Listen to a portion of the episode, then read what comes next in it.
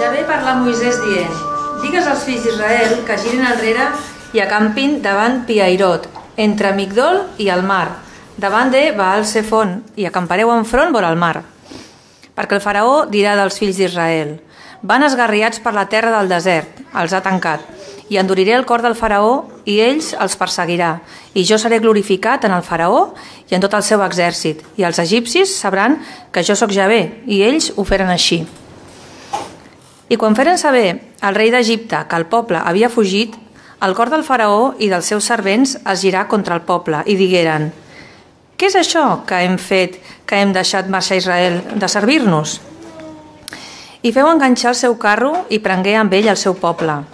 I prengué 600 carros triats i tots els carros d'Egipte amb oficials sobre tots ells. I Javé enduria el cor del faraó, rei d'Egipte, i, els, i perseguir els fills d'Israel. I els fills d'Israel havien sortit amb mà alçada. I els egipcis els perseguiren amb tots els cavalls i els carros del faraó, i amb els seus cavallers i el seu exèrcit, i els atraparen quan eren acampats vora el mar, a Piairot, davant de Baal Sefon. I quan el faraó s'atensava, els fills d'Israel alçaren els seus ulls, i heus aquí els egipcis els venien al darrere, i s'espantaren molt, i els fills d'Israel clamaren a Javé i digueren a Moisès «És que no hi havia tombes a Egipte que ens has dut a morir al desert? Per què ens has fet això de fer-nos sortir d'Egipte?» No és el que et dèiem a Egipte dient «No et preocupis de nosaltres i deixa'ns servir els egipcis?» Perquè ens aniria millor de servir els egipcis que no pas de morir al desert. I Moisès digué al poble no tingueu por, mantingueu-vos, manteniu-vos ferms i veureu la salvació de Javé, que farà per a vosaltres avui, perquè els egipcis que avui veieu no els tornareu a veure mai més. Javé lluitarà per vosaltres i vosaltres calleu. I Javé va dir a Moisès, per què clames a mi? Digues als fills d'Israel que marxin i tu alça el teu bastó i estén la teva mà damunt del mar i parteix-lo en dos. I els fills d'Israel passaran pel mig del mar en l'eixut. I jo Heus aquí, jo enduriré el cor dels egipcis i els perseguiran, i jo seré glorificat en el faraó i en tot el seu exèrcit, i en els seus carros i en els seus cavallers. I els egipcis sabran que jo sóc Javé quan sigui glorificat en el faraó i en els seus carros i en els seus cavallers. I l'àngel de Déu, que anava davant del campament d'Israel, es traslladà i anava darrere d'ells, i la columna de núvol es traslladà de davant d'ells i es posà darrere d'ells i es ficà entre el campament dels egipcis i el campament d'Israel. I hi havia un núvol i la tenebra per als uns, però feia llum a la nit per als altres, i l'un no s'apropà a l'altre en tota la nit. I Moisès va estendre la mà sobre el mar, i Javé feu apartar el mar per mitjà d'un vent fort de llevant tota la nit, i deixar el mar eixut, i les aigües es dividiren. I els fills d'Israel entraren enmig del mar en l'eixut, i les aigües els feien de muralla a la seva dreta i a la seva esquerra. I els egipcis els perseguiren i tota la cavalleria del faraó. Els seus carros i els seus cavallers anaren darrere d'ells cap al mig del mar. I s'esdevingué que a la vetlla del matí Javé mirà a través de la columna de foc i de núvol al campament dels egipcis i posà confusió al campament dels egipcis. I feu encallar les rodes dels seus carros i els manaven amb dificultat i els egipcis digueren, fugim de davant d'Israel perquè Javé lluita a favor d'ells contra, contra els egipcis. I Javé va dir a Moisès, estén la teva mà damunt el mar, a fi que les aigües tornin sobre els egipcis, sobre els seus carros i sobre els seus cavallers. I Moisès va estendre la mà sobre el mar, i en aparèixer al matí, el mar tornà al seu lloc acostumat, mentre els egipcis fugien a trobar-lo. I Javé sacsejà els egipcis al mig del mar. I les aigües tornaren i cobriren els carros i els cavallers, tot l'exèrcit del faraó que venia dins del mar, eh, dins del mar darrere d'ells. No en restà ni un. Però els fills d'Israel caminaven sobre l'eixut pel mig del mar i les aigües els feien de muralla a la dreta i a l'esquerra. I aquell dia, Javé salvà Israel de la mà dels egipcis i Israel veié els egipcis morts a la vora del mar. i Israel veié la gran mà amb què Javé havia obrat contra els egipcis, i el poble va témer Javé, i va creure en Javé i en Moisès, el seu servent. I després del dissabte, quan clarejava el primer dia de la setmana, Maria Magdalena i l'altra Maria van anar a mirar el sepulcre. I heus aquí es feu un gran terratrèmol, perquè un àngel del Senyor baixà del cel. Vingué i va fer rodolar la pedra de la porta i s'hi va asseure damunt i el seu aspecte era com un llampec, i el seu vestit era blanc com la neu, i els guàrdies de la por que tingueren d'ell es van es esfereir i restaren com morts. Però l'àngel va respondre i digué a les dones, no tingueu por vosaltres, perquè sé que cerqueu Jesús, el qui fou crucificat. No és aquí, perquè ha ressuscitat, com havia dit. Veniu, mireu el lloc on fou posat el Senyor. I aneu de seguida i digueu als seus deixebles, ha ressuscitat d'entre els morts, i heus aquí, va davant vostre cap a Galilea. Allà el veureu. Heus aquí, us ho he dit. Ui. I van sortir de pressa del sepulcre amb temor i gran goig, i van córrer a anunciar-ho als seus deixebles. I mentre anaven a anunciar-ho als seus deixebles, heus aquí, Jesús els veigué, els vingué a trobar i dient, alegreu-vos. I elles es van apropar, van abraçar els seus peus i el van adorar. Llavors Jesús els digué, no tingueu por, aneu i digueu als seus als meus germans que vagin a Galilea i allà em veuran. Hola i benvingut al podcast de Ciutat Nova, una església protestant al barri 22 arroba de Barcelona.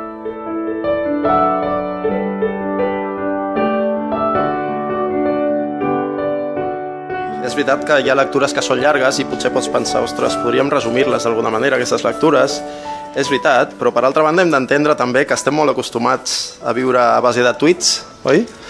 I el senyor no s'ha donat a conèixer a través de tuits, el senyor s'ha donat a conèixer a través d'un llibre que és llarg i nosaltres tenim la responsabilitat i el privilegi també d'aprendre a llegir aquest llibre, de dedicar el temps que aquest llibre mereix, oi? Per nosaltres. Doncs, eh, molt bé, dia diumenge de resurrecció. I el títol de la predicació d'avui és Crist, el nostre èxode. Crist, el nostre èxode. En un primer moment, tu potser pots pensar quina relació té el diumenge de resurrecció amb això que acabem de llegir, amb l'èxode, oi? amb aquest alliberament que eh, Déu va dur a terme eh, obrint aquest mar, oi? i fent que el seu poble passés per aquell mar.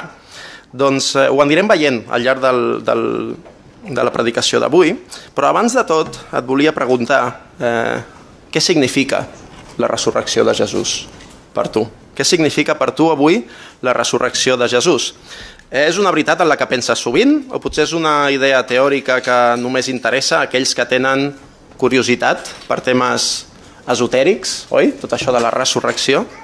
O és una idea absurda que requereix creure en coses que sabem que no succeeixen, coses que sabem que no, són veritat. Oi, això és el que ens diuen moltes vegades que és la fe. La fe és creure en coses que saps que no són veritat, perquè et consolen, que t'ajuden. És això el que diu la Bíblia sobre la fe? O potser això de la resurrecció és simplement una tradició religiosa que et trobes al teu calendari de tradició cristiana i que et serveix per tenir uns dies de festa, oi? I si ets un cristià que assisteix a l'església amb regularitat, de què et serveix avui la resurrecció de Jesús a tu? Quin lloc ocupa en el dia a dia de la teva fe? Quines implicacions pràctiques per la teva vida quotidiana té aquesta veritat històrica i teològica? Potser és una d'aquelles veritats que de tan sublims i espirituals se't fa llunyana, la idea de que Jesús ha ressuscitat? Doncs sigui com sigui, és bo aprofitar aquests dies, i en especial el dia d'avui, per reflexionar sobre tot això i anar a la font original en la que hi trobem aquests relats de la resurrecció i de mirar de donar resposta a el significat i la importància del fet de que Crist tornés a la vida, de que Crist ressuscités. I avui és diumenge de resurrecció i hem llegit un text de l'Èxode. És un text que per al poble d'Israel era molt, molt, molt, molt important. L'Èxode és, podem dir, eh, una de les històries de salvació que hi ha al llarg de la Bíblia que assenyalen cap a la història de salvació final i definitiva que hi ha en Crist, la seva mort i la seva resurrecció. Tant a l'Èxode com a la resurrecció hi veiem coses semblants. És Déu qui obra. I és Déu qui obra de manera extraordinària per rescatar el seu poble. Això passa tant a l'Èxode quan el poble d'Israel passa a través del mar, com també a l'obra de la creu. No és el poble el que se salva a si mateix, ni a l'Èxode, ni a Mateu. Veiem que Déu mateix és aquell que és el protagonista, aquell que salva. I aquesta és una veritat també molt important per nosaltres avui, perquè potser eh, penses que tu ets el protagonista de la teva vida. I home, pots dir, qui vols que sigui el protagonista de la meva vida si no jo, no? Rubén? Home, és important, però com a cristià hem de tenir en compte que la nostra vida, l'actor principal no hem de ser nosaltres, tot i que nosaltres tenim moltes responsabilitats i hem de sotmetre la nostra vida al Senyor, però el més important per nosaltres no som nosaltres, segons la Bíblia, sinó Déu mateix.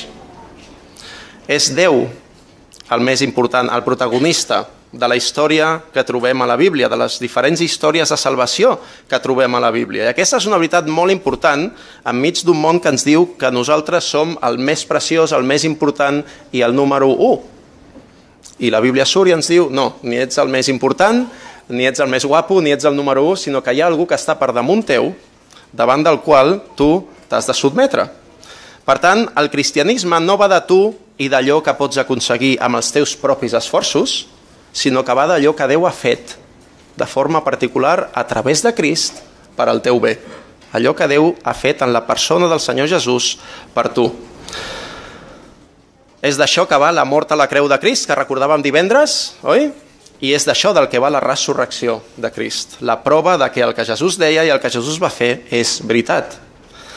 L'èxode, èxode vol dir sortida, és la sortida del poble d'Israel d'Egipte i és el gran event de salvació de tot l'Antic Testament. Si tu li preguntessis a un israelita, oi, et diria el gran event de salvació que hi ha a l'Antic Testament és la sortida del poble d'Israel, que era esclau a Egipte, d'aquesta esclavitud. I és molt important que veiem els paral·lels amb el gran event de la salvació al Nou Testament, la mort de Jesús a la creu i la seva resurrecció. Podem dir que l'alliberament de la Pasqua eh, aquest eh, sacrifici d'aquell anyell que Déu va manar, oi? I el miracle del Mar Roig van junts. L'un no pot estar sense l'altre. Si no hi hagués hagut el sacrifici d'aquell anyell, pintant amb la seva sang, oi? Les portes, no hi podria haver hagut aquest rescat a través del mar.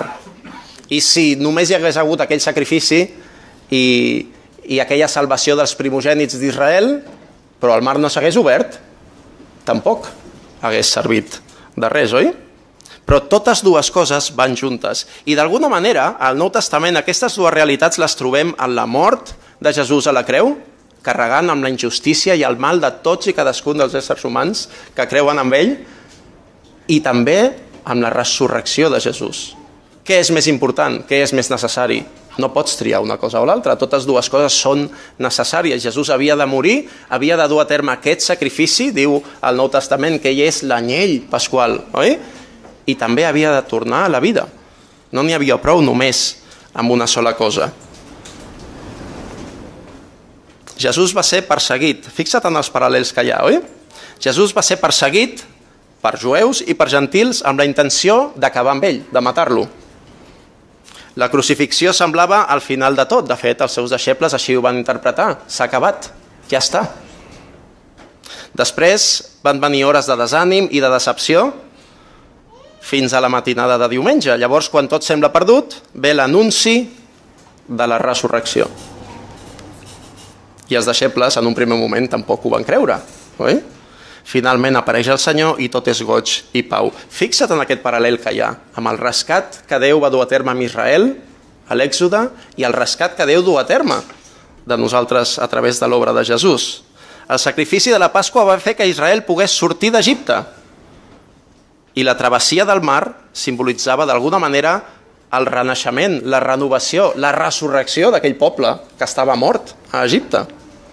Israel passa de l'esclavitud a la llibertat, de la mort a la vida, gràcies a un acte extraordinari de salvació de Déu. Per tant, si mires el Nou Testament, veuràs que la idea de l'èxode hi és molt present. Hi és molt present. De fet, entenem que Jesús és el veritable Israel, l'Israel definitiu. Per què? Perquè Déu havia volgut que un poble fos l'instrument de benedicció per tot el món. Quan aquest poble ha fallat, Déu no s'ha quedat de braços plegats, sinó ha enviat el seu fill, que serà l'instrument que no fallarà per beneir i per salvar aquest món. Hi ha un text molt conegut a l'Antic Testament del profeta Oseas que diu allò de que d'Egipte vaig cridar el meu fill.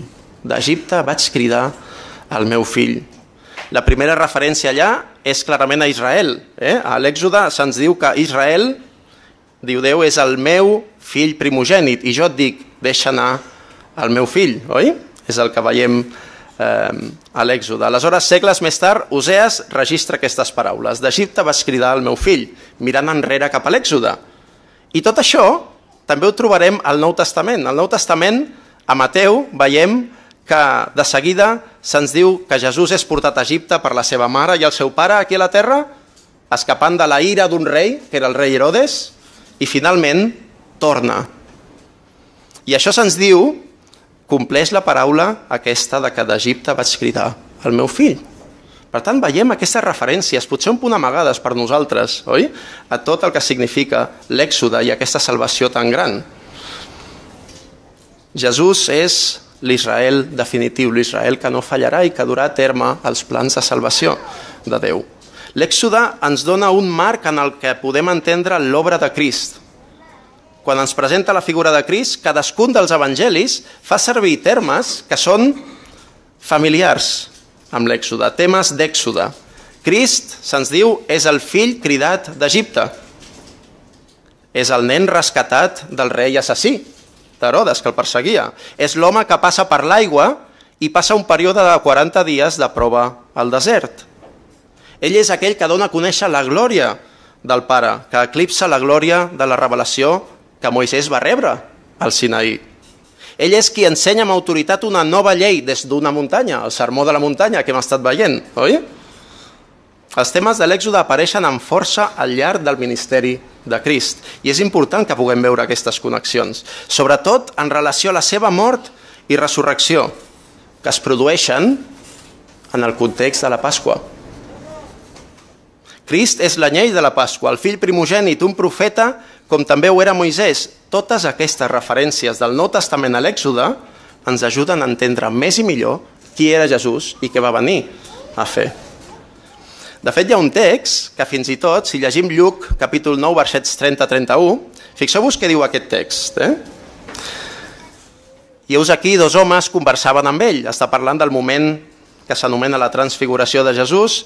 Lluc 9, 30-31, i heus aquí, dos homes conversaven amb ell, amb Jesús els quals eren Moisès i Elias, que van aparèixer en glòria i parlaven de la sortida d'ell, la sortida de Jesús, que havia de complir a Jerusalem.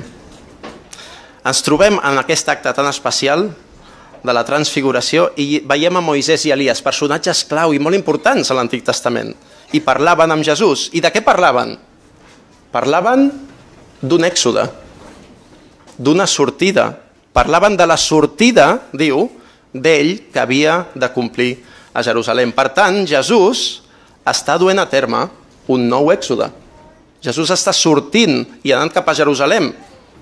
Jesús és l'èxode més gran de la història, és aquell que compleix aquest alliberament, no només social i polític, que potser podem entendre l'èxode d'aquesta manera, l'Antic Testament, sinó que va més enllà.